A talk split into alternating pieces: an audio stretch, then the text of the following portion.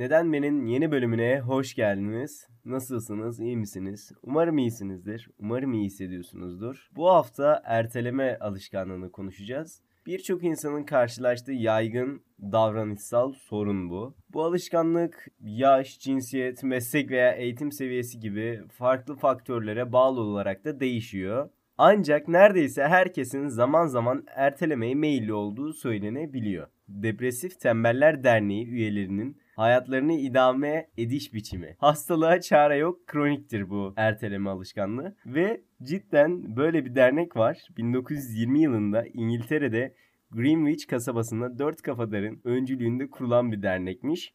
1936 yılında 15 yıllık uzun uğraşlar sonucu derneğin manifestosu oluşturulmuştur. Evet, bu bilgiyi ne yaparsınız bilmiyorum ama böyle bir dernek var.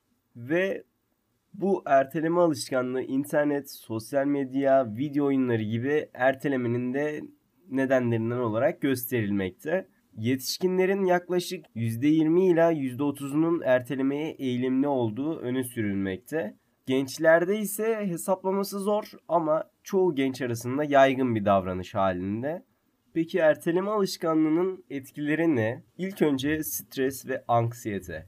İşlerin son dakika yetiştirilmesi veya sürekli bir şeyleri ertelemek stres seviyesini arttırırken anksiyete sorunlarına da yol açıyor. Diğer etkimiz zaman yönetimi sorunları.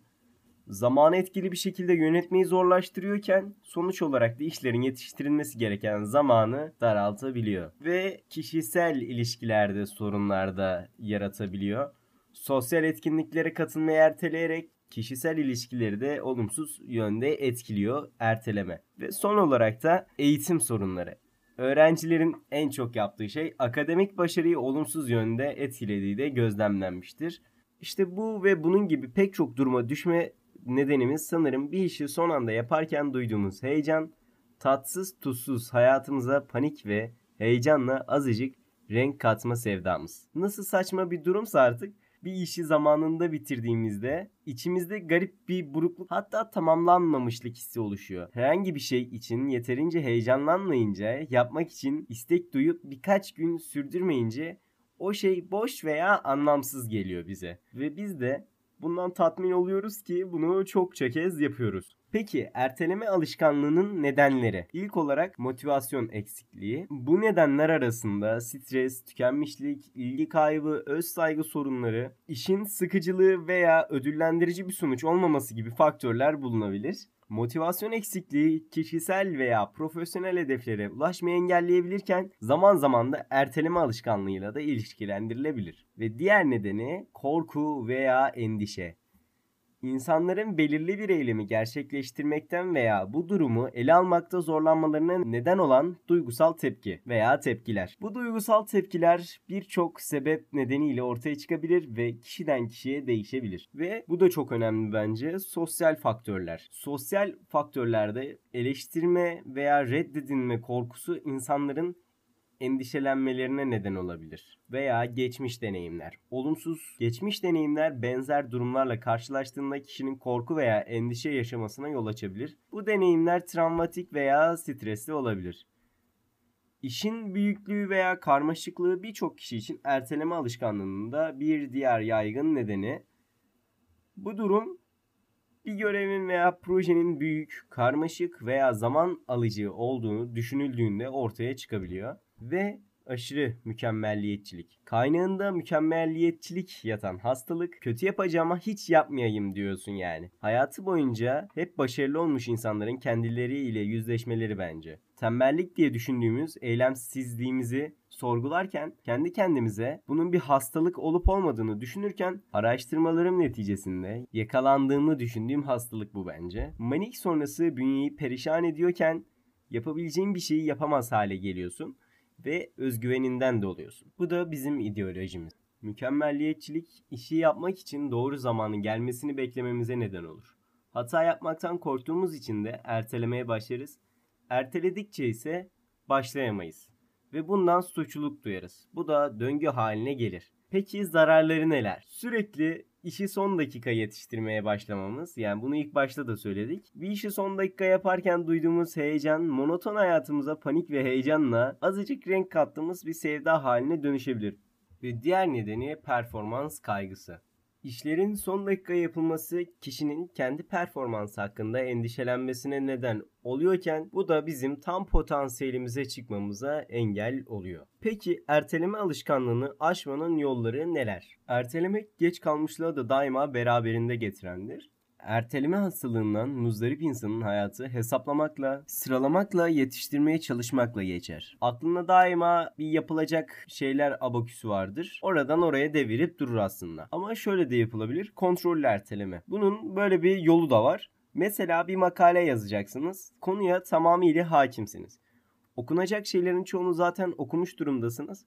Ya da okunması gereken her şeyi biliyorsunuz kullanmanız gereken tüm kaynakları biliyorsunuz. Fikirler kafanızda uçuşuyor falan. Makaleyi yazmak için bir ay süreniz var. 29 gün boyunca o makaleyi zihninizde yazıyorsunuz. Son gün oturup kağıda döküyorsunuz. İşte o anki tatmin duygusu anlatılamaz. Ya da Mesela hayvani zorlukta über sofistike bir arkeoloji makalesini çevirmek için bir hafta süreniz var. Ama son geceye bırakıyorsunuz. O geceki performansınız bu işi bir hafta ayırdığınızda ortaya çıkacak performansa eşit. İşte kontrollü ertelemeden kastım bu aslında. Yapılacak işi son güne bırakmış olsam bile ortaya çıkabilecek en iyi işe imza atmak.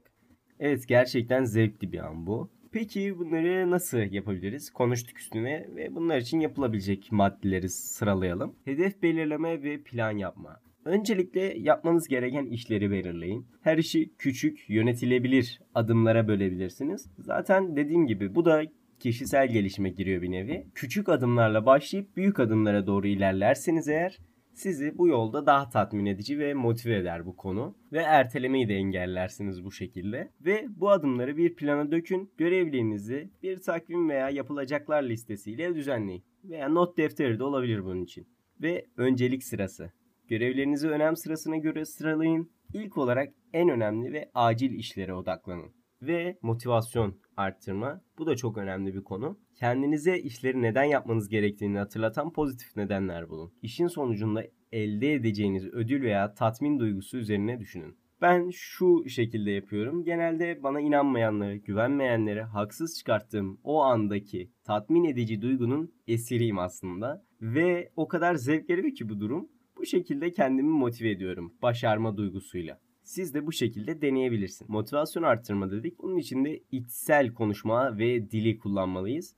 Yani kendinize olumlu bir dil kullanın. Yapabilirim veya başarabilirim gibi cümleler kullanarak kendinizi motive edebilirsiniz.